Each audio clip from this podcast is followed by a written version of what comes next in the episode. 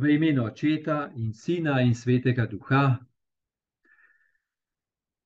Ko smo ponovno zbrani ob mizi Božje besede, ko smo spet zbrani, Gospod, ob tebi in ob tvoji besedi, ki nam jo v cerkvi daješ nedeljo za nedeljo in nas to besedo hraniš, oblikuješ, prečiščuješ, očiščuješ naš pogled, naše predstave in nam skozi vse to govoriš o tvojem pogledu, kaj ti želiš, kaj nam ti svetuješ, na kaj nas ti opozarjaš, kako nas ti bodriš, Gospod.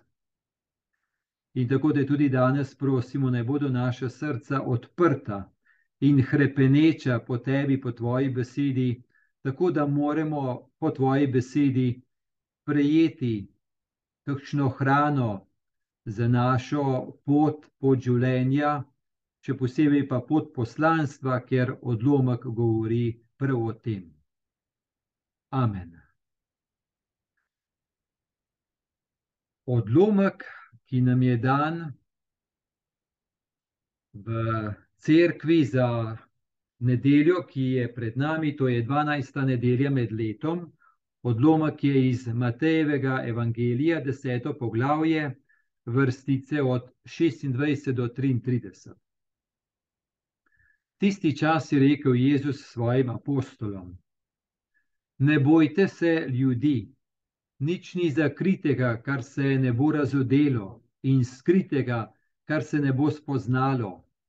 Kar vam pravim v temi, povejte pri belem dnevu in kar slišite na uho, oznanite na strehah. Ne bojte se tistih, ki umorijo telo, duše pa ne morejo umoriti. Bojte se rajši tistega, ki more dušo in telo pogubiti v pekel. Ali ne prodajajo dveh urabcev za en novčič, in vendar noben od njiju ne pade na zemljo brez vašega očeta vam pa so celo vsi lasje na glavi prešteti. Ne bojte se torej, vredni ste več, kakor veliko vrabcev. Vsakega torej, ki me bo priznal pred ljudmi, bom tudi jaz priznal pred svojim očetom, ki je v nebesih. Kdor pa me bo zatajil pred ljudmi, ga bom tudi jaz zatajil pred svojim očetom, ki je v nebesih.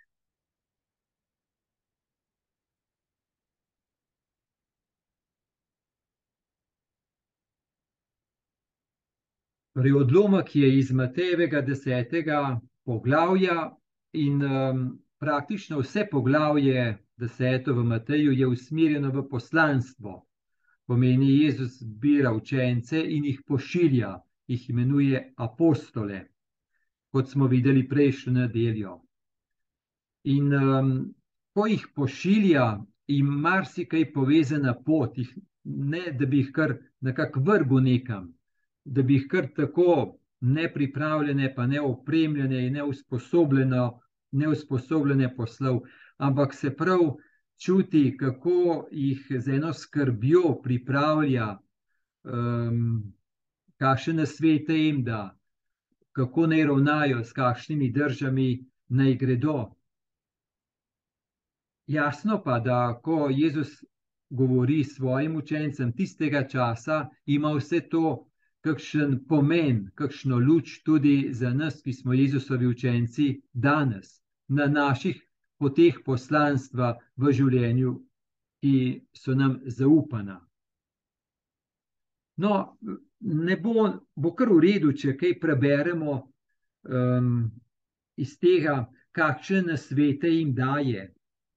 Naprimer, pravi, ne oskrbujte se ne z zlatom, ne s srebrom, ne z bakrom v pasovih, ne s popotno torbo, ne z dvema suknjama, ne s sandali, ne s palico, kaj ti delavec je vreden svoje hrane. Ko v tem smislu jim reče: Zaupajte, pojdite na pot, ljudi boste srečali. Bodo tudi dobre ljudi boste srečali, bodo dobro poskrbeli za vas, ni treba prej biti preveč zaskrbljeni, preveč se samo na sredstva zanašati. Vi se zanašate, da bodo tam ljudje in da se bo kaj dobrega tam odprlo. Naprej pravi, v katero koli mesto ali vas prijete, poizvedite, kdo je tam vreden in ostanite tam, dokler ne odidete. Ko stopite v hišo, jo pozdravite. Če bo hiša vredna tega, naj pride na njo vaš mir. Če pa ne bo vredna, naj se vaš mir povrne k vam. In če vas kdo ne sprejme in ne posluša vaših besed, pojdite iz tiste hiše ali tistega mesta in se otresite prah z nog. Pomeni tudi to jim Jezus pove. Lahko da se bo dogodilo, da vas kateri ne bodo sprejeli in vas ne bodo poslušali. In jim Jezus reče: Ne vzeti odgovornosti in krivde na se. To je njihov problem, če oni ne poslušajo in ne sprejmejo.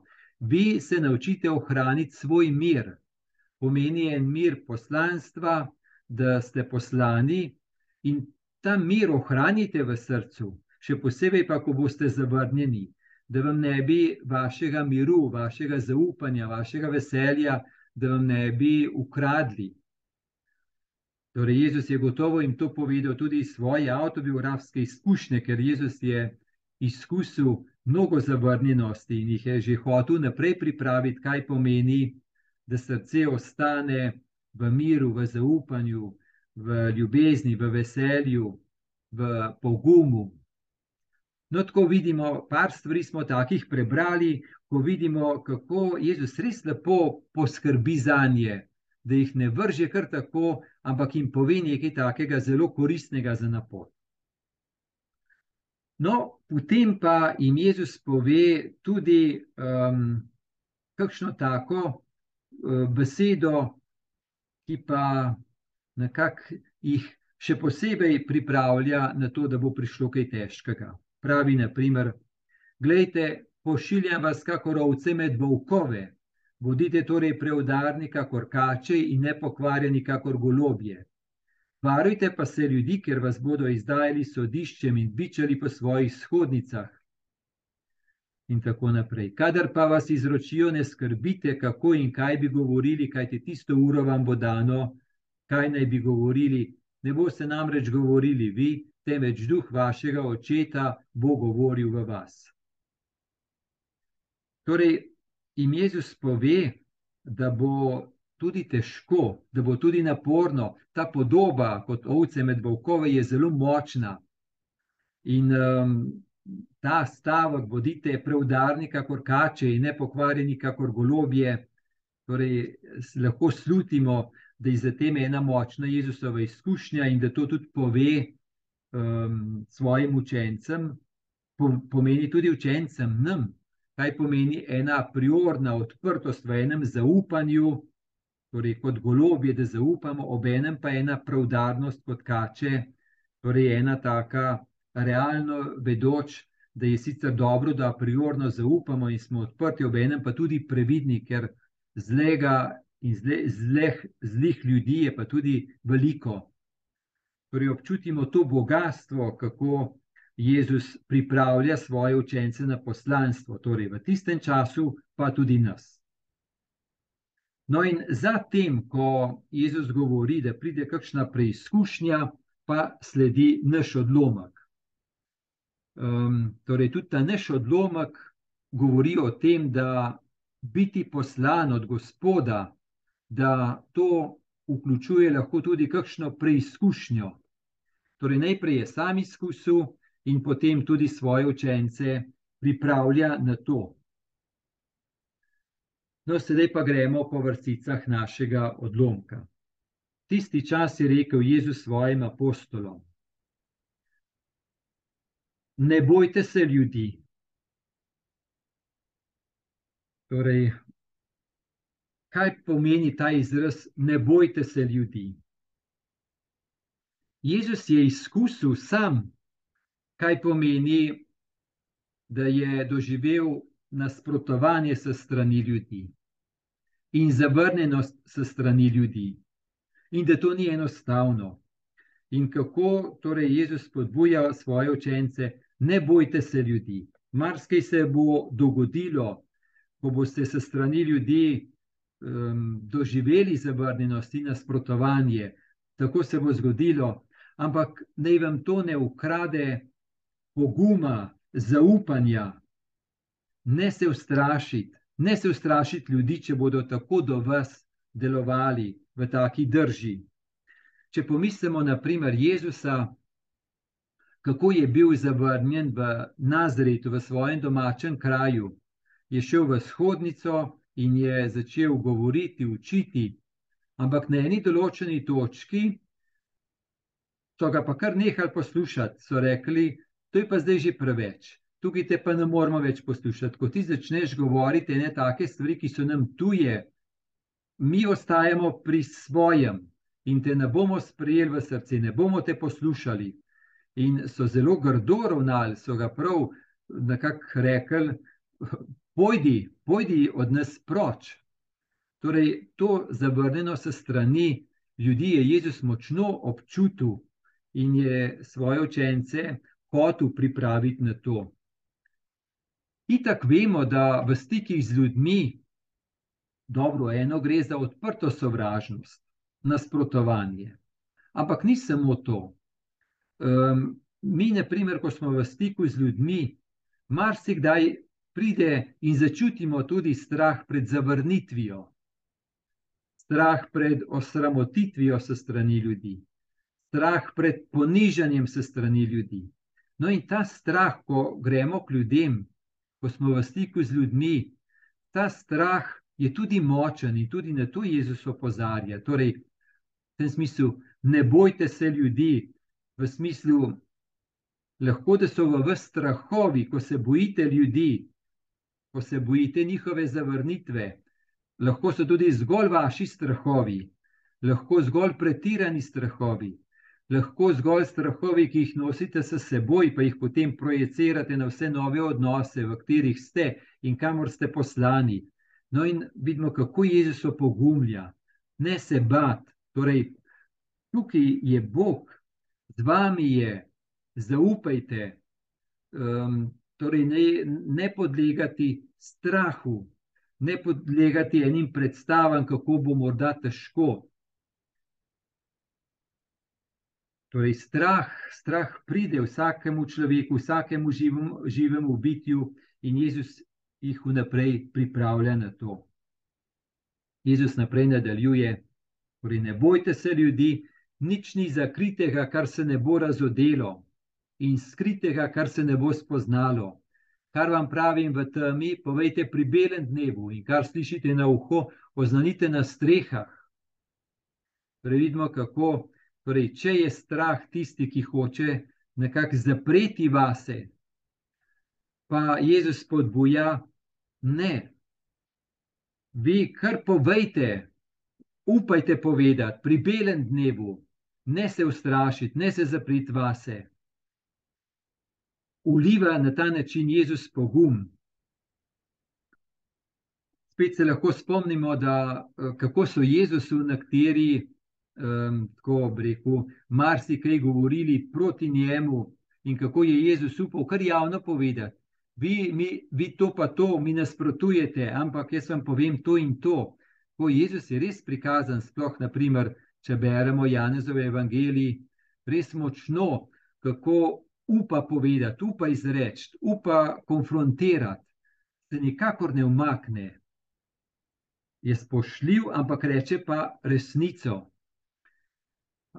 Tudi Jezus je izkusil, naprimer, kaj vse so grdo o njem govorili.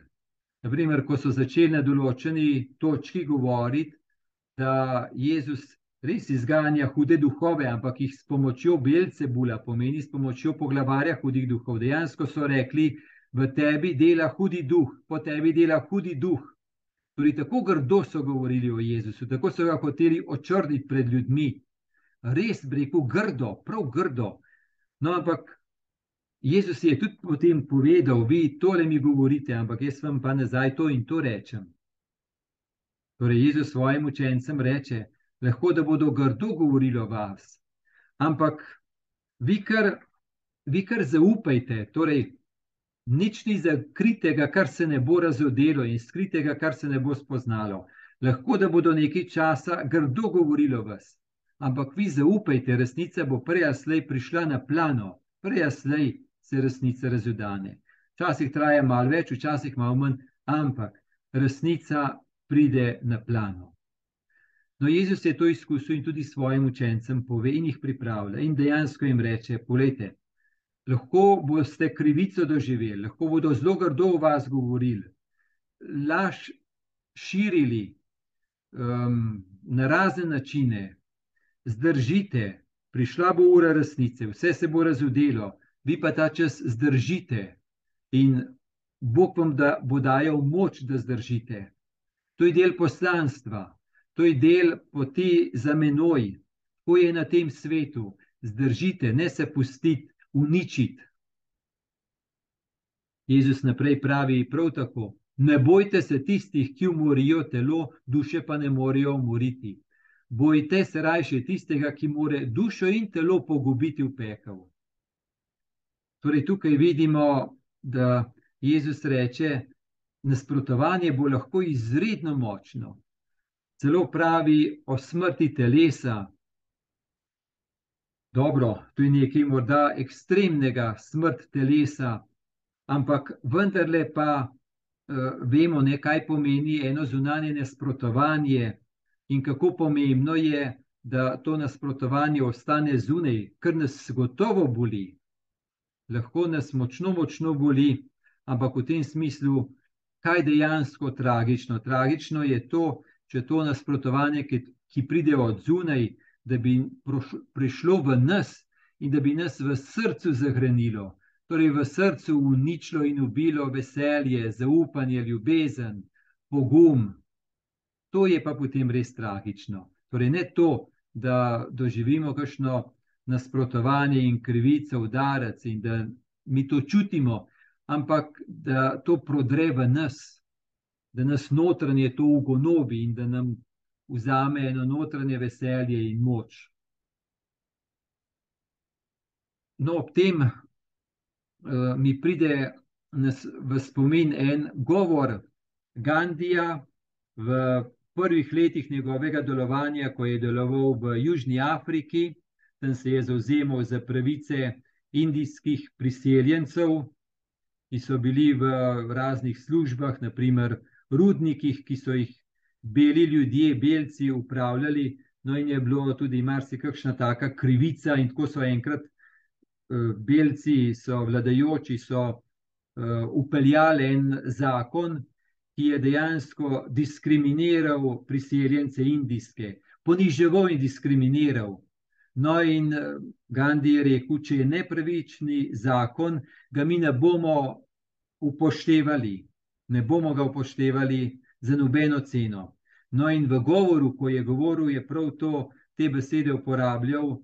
Torej, mi, ko ne bomo upoštevali veljavnih zakonov in jih ne bomo, ker so krivični, diskriminatorni do nas, poniževalni do nas in za naše dostojanstvo, mi ne bomo obogali. Vemo, da bomo nosili posledice, ker je njihova zakonodaja tako narejena. Lahko nam bodo vzeli službe, lahko nam bodo imeti vzeli, lahko celo naša telesa, ampak nečesa pa nam ne morejo vzeti. Ne morejo pa nam vzeti naše notranjosti in našega spoštovanja nas samih, tega ne, nam pa ne morejo vzeti, tudi če nam telo vzamejo. Tako je ena taka velika globina v tem smislu, kaj pomeni človek, kaj pomeni spoštovati sebe, kaj pomeni iti do konca, kaj pomeni ne se ustrašiti, ne podležiti strahu strahu zase. Gotovo zemsko življenje je pomembno, prav gotovo, ampak vendarle pa ena globina, kdo človek je, je pa še globlja in gre onkraj zgolj zemskega življenja. Kaj človek je, dostojanstvo, to so pa še globlje stvari. No, in to Jezus govori. Dobro, morda ekstremno, ampak vendarle pa, da um, v tem smislu govori o nečem, kar je tudi realizem življenja, tudi če ne v takih ekstremnih situacijah. Ne bojte se tistih, ki umorijo telo, duše pa ne morejo umoriti. No, morda samo to.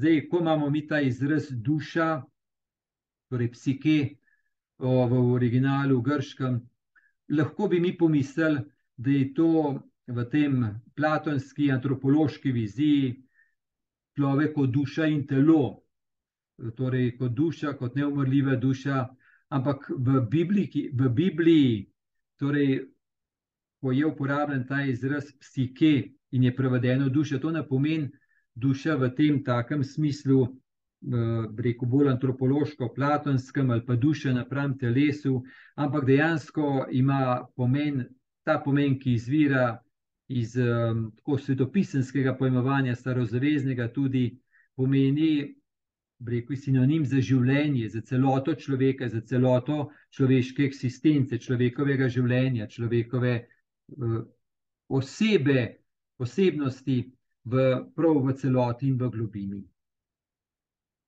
Naprej Jezus pravi, ali ne prodajajo dveh urabcev za en novčič, in vendar noben od njiju ne pade na zemljo brez vašega očeta.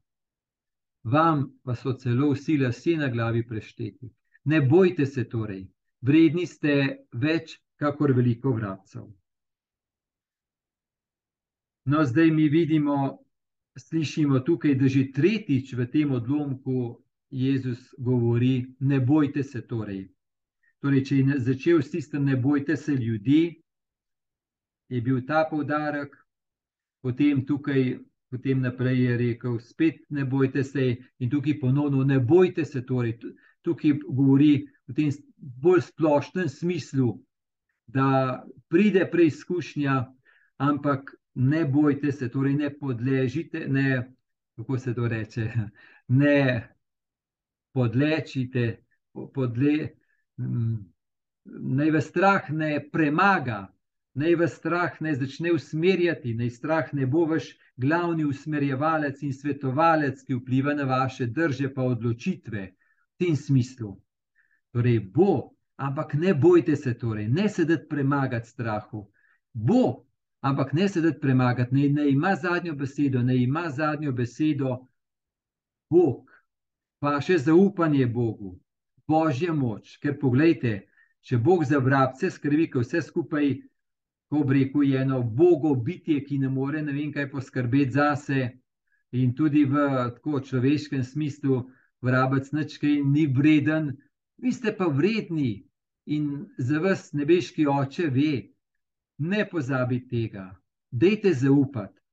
Ne pozabite, da imate nebeškega očeta, da ste vi njegovi otroci, da mu je veliko do vas, ne podlegati strahu, ki daje en občutek, da je Bog daleč proč, da je na vas pozabil, da je on tako daleč proč, da, vas, da vam itak ne more pomagati, ker je vas ima strah v rokah.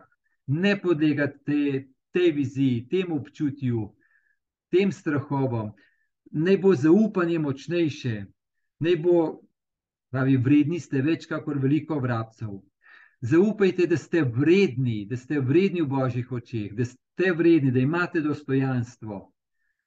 Ne, ne izgubite tega. To, kako močno Jezus to podobo jih opogumlja, kako jih spominja, kdo so, kako dragoceni so za očeta, kako jih močno opogumlja, da ne, ne ohranjajo zaupanje, ne ohranjajo dvignen pogled v Gospoda. No, torej, smo rekli, je velja za učence v tistem času, ki so gotovo doživeli po Jezusovem pobinkoštih, ko so začeli bolj tako znanjati, so doživeli ogromno nasprotovanja, ogromno preizkušenj. No, ampak gotovo pa velja na kakšen način tudi za nas v naših življenjskih poslanstvih. Na to, na to točko se bomo potem ob koncu še vrnili. Zadnji stavek. Vsakega, torej, ki me bo priznal pred ljudmi, bom tudi jaz priznal pred svojim očetom, ki je v nebesih. Kdor pa me bo zatajil pred ljudmi, ga bom tudi jaz zatajil pred svojim očetom, ki je v nebesih. No, tukaj vidimo, imamo en tak dvojnost, um, pravi priznati, zatajiti. Torej, priznati, zatajiti. Zatajiti, lahko bi rekli tudi zavrniti sprejeti, zavrniti, priznati, zatajiti. Zdaj, če bi mi tako vzeli posamezen stavek, bi rekli, ja, kako pa zdaj to, da bi me Bog pa kar zatajil pred svojim očetom. Ni Jezus ravno zato prišel, da bi grešnega človeka pripeljal k očetu, sej zato je umrl, da bi še tako grešnega človeka povezal z nebeškim očetom in dal temu izgubljenemu človeku božje življenje. Torej, kaj je pomembno? Pomembno je, da ta oba stavka skupaj beremo, ker v celoti dobimo pravi pomen, ne iz posameznega stavka. In kaj je dejansko celota tega? Vsakega, torej, ki me bo priznal pred ljudmi, bom tudi jaz priznal pred svojim očetom, ki je v nebesih. Kdor pa me bo zatajil pred ljudmi, ga bom tudi jaz zatajil pred svojim očetom, ki je v nebesih. Dejansko pomeni to, gledajte, vi mene lahko sprejmete, ali pa potem učence njegove, apostole. Vi me lahko sprejmete. In jasno, če me boste sprejeli, bom vas jaz popeljal k očetu, v očetovo hišo. Vam bom pokazal, da imate nebeškega očeta, ki skrbi za vas, ki vas ima brezpogojno rad. In um, ker imate njega, ste vi njegovi otroci, skrbi za vas, zaupajte mu, izročite se mu. Torej, če me sprejmete, boste vse to lahko živeli in tudi med seboj, kot brate in sestre. Če pa me ne sprejmete, če, ne zavrne, če me zavrnete, potem pa ostajate sami, ostajate brez povezanosti z nebeškim očetom. Tako je, to je vaša odločitev. Torej, tukaj je zelo izpostavljena velika svoboda človeka da se človek lahko res tako ali pa drugače odloči. To je na človeku, človek ima zares svobodo in svobodo tudi za zelo temeljne stvari. In v tem smislu lahko rečemo iz teh celotnih dveh stavkov, iz pomenske celote, da ne zdaj, da bi Jezus zatajil nekoga pred očetom, ampak dejansko se človek sam izloči iz povezanosti z očetom, če zavrne Kristusa, Božjega Sina, ker edino v njem, v Božjem Sinu, imamo mi dostop do Boga Očeta. Te bi lahko rekli tudi brez Kristusa. Ja, dobro, do enega Boga, do ene božanstva, morda, ampak do Boga kot Očeta imamo pa mi dostop po Božjem Sinu. Na ta način, torej po Božjem Sinu, po Jezusu Kristusu, imamo mi dostop do Boga, ki je oče, očetovski, ki očetovsko skrbi za nas. No, tako. Zdaj pa, ko smo mi uh, ob koncu tega odlomka, kjer Jezus govori zelo odprto, um, Jezus tukaj govori, da poslanstvo, biti poslan, prinaša tudi kakšno preizkušnjo, torej, kar je sam izkusil, ko je oznanil Božje kraljestvo, Božjo ljubezen, Eh, resnico, dobroto, torej je sam izkusil, da pride preizkušnja, je to tudi učence želel pripraviti na to. No, zdaj pa kakšen tak komentar, ki uh, v tem smislu, da lahko ta odlomek velja tudi za nas, Jezusove učence danes, ki smo poslani. Imamo poslanstva, torej poslanstva lahko rečemo naša življenjska poslanstva, ne vem, da je nekdo poročen, da je nekdo v Bogu posvečenem življenju, nekdo drug spet na drug način, da ima življenjska poslanstva. Obenem pa tudi bi rekel, znotraj naših življenj poslanstva, ki, ki jih prejmemo, um, oziroma jih sprejmemo, naprimer v kontekstu vem, svojega okolja, v službenem prostoru, lahko v župniji ali pa kje drugje, da prejmemo kakšno odgovornost, kakšno poslanstvo, kakšno skrb, um, ki jo čutimo in uh, torej stopimo na pot poslanstva. Zdaj pa je zelo drugače, oziroma se marsikdaj zgodi, da mi stopimo na pot poslanstv, ko predvsej z eno tako podobo, da bo kar gladko teklo kar brez težav teklo, kar brez preizkušenj teklo. To je, ko bi rekel, kar je ena taka predstava, kar imamo tako predstavo, se morda je prav tako, da vsaj upamo stopiti na pot. Pa vendar Jezus nam reče, poslanstvo, če hodite za menoj, če živite svoje življenje kot hojo za menoj, kot poslanstvo, da vas Bog pošilja, da v tem življenju, v tem svetu, da po vas pride nekaj božje ljubezni na ta svet, nekaj božjega kraljestva na ta svet, nekaj božje prisotnosti na ta svet. Torej, boste v poslanstvu tudi doživeli kakšno preizkušnjo, zato ker jo je Jezus Kristus. Ampak zaupajte, tudi če bo preizkušnja, Jezus je vso pot prehodil, niste sami na poti, Jezus je že tam, je že v preizkušnji, vam je že tam na voljo, da vam bo pomagal, da vam bo dajal moči. Samo zaupajte, zaupajte mu. Spomnim se, kako so enkrat, ne vem, kje sem poslušal misionarje, ki so rekli, da včasih pride kdo k njim v misijone s kar tako malo romantično, idealistično predstavo, kako bo to vse v eni romantiki. No, pa so rekli, potem se marsikaj drugega dogodi. To preizkušnje, bodi si zaradi novega okolja, nove kulture, morda zaradi um, takih klimatskih razmer, ki so zelo različna, pa bolezni. No, in en, dva, tri pridejo preizkušnje, pride realizem, in tam se pokaže, ali nekdo zares ima nekako poslanstvo, torej ima zares eno notranjo moč, ki ne bo ustavljena v prvih preizkušnjah, pa v virah, ampak bo človek lahko kljub oviram šel naprej, da ga ne bodo ovire ustavile. Ovire pa pridejo, tako je, tako je. Ovire pa pridejo. No, mm,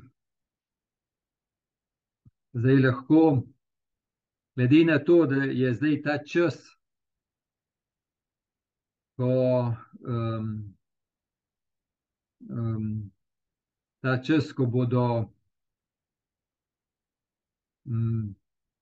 oziroma tako bi rekel, če morda to, um, kaj je poslanstvo z razliko od, lahko rečemo, karierizma, karijera. Kaj pomeni ena karijera? Karierizem pomeni ena taka drža, karijera. Vem, jaz imam v nečem, hočem nekaj postati in grem v to smer, in uh, grem, dokler me preveč ne stane, dokler ni preveč naporno, dokler ni preveč težko, grem. Ko bi lahko rekli, en tak karierizem. Torej, zdrava drža karijere je nekaj, ampak en tak karierizem, da grem, dokler se mi splača, dokler teče, dokler na kak še kar gladko gre. Um, no, če pa so prehude ovire, če pa pretežko, če preveč stane, torej če je preveč naporno, če nekako je moje življenje preveč, bi rekel, v eni nevarnosti, potem pa, če sem v karierizmu, odneham. No, medtem ko pa ta drža uh, poslanstva pomeni, Bog mi je zaupal eno poslanstvo. Bog me pošilja na eno pot, na eno področje, na eno nalogo, v eno vlogo. Pomeni pa, torej, če me Bog pošilja, bo on z menoj. Mi že vnaprej pravi, da bodo kakšne ovire in težave, ampak me Gospod že tam čaka in mi bo dajal notranje moči. Pomeni, če me Gospod pošilja, pa mi govori, s teboj bom, zaupaj mi, bova prišla k očetu, jaz sem prehodil vso pot. Torej, bodo prišle preizkušnje, ampak v preizkušnjah bom s teboj, zaupaj mi. To, kar Jezus večkrat na en ali pa na drug način pove apostolom, pa nas tudi tako, na splošno nam govori. Če boste z menoj, ne boste zdaj kar obvarovani vsega težkega, pa vseh preizkušenj, pa vseh naporov, pa vseh stisk. Ne, to bo prišlo, ampak vam pa povem, da vas bom v vsem tem varoval in pomagal in dajal moči. Torej, marsikaj bo lahko prišlo, tudi težkega, ampak v tistem težkem bom z vami. Zaupajte mi, ne se bat. No, to je en tak, to je en tak, tako močen Jezusov stavek, ko nas vabi, ko nas spodbuja, um, da Torej, da ne bi gledali na življenje tako, rekel, romantično, idealistično, tudi na odnose z ljudmi. Tukaj celo močno prav to pravi, ne bojte se jih torej. Ker če smo uh, tako res realisti, mi tudi med seboj najbližji se ranimo. In lahko tudi to prebudi v nas strah pred bližnjim, strah, da bi nekako se odmaknil, strah, da bi raje zid postavil, strah, da bi se zavaroval pred drugim, ker mi pač smo različni in se ranimo, oziroma morda še bolj kot to, da bi se, se ne gre za to, da bi se hoteli za nalaž raniti, ampak ko se prizadanemo, ker vsakdo od nas ima kakšne šibke točke in lahko tudi ne vede, pa ne hote. No, ampak Jezus, ko pošilja v odnose, to poslanstvo v odnose je nekaj takih zelo temeljnih poslanstv, ki so nam od Boga zaupani v tem življenju, kjerkoli že smo.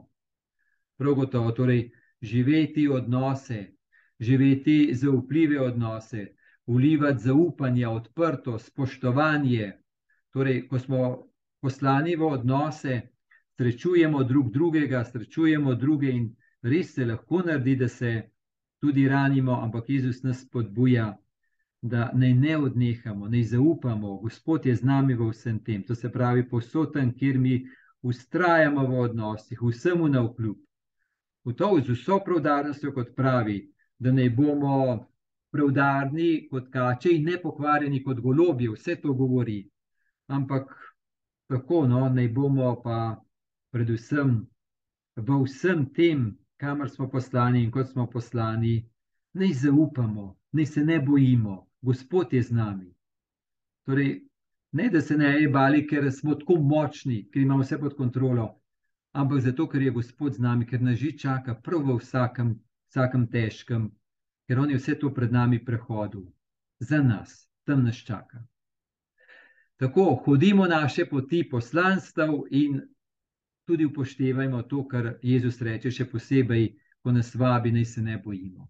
Naj vas spremlja Božji blagoslov, blagoslov Boga Očeta in Sina in Svetega Duha.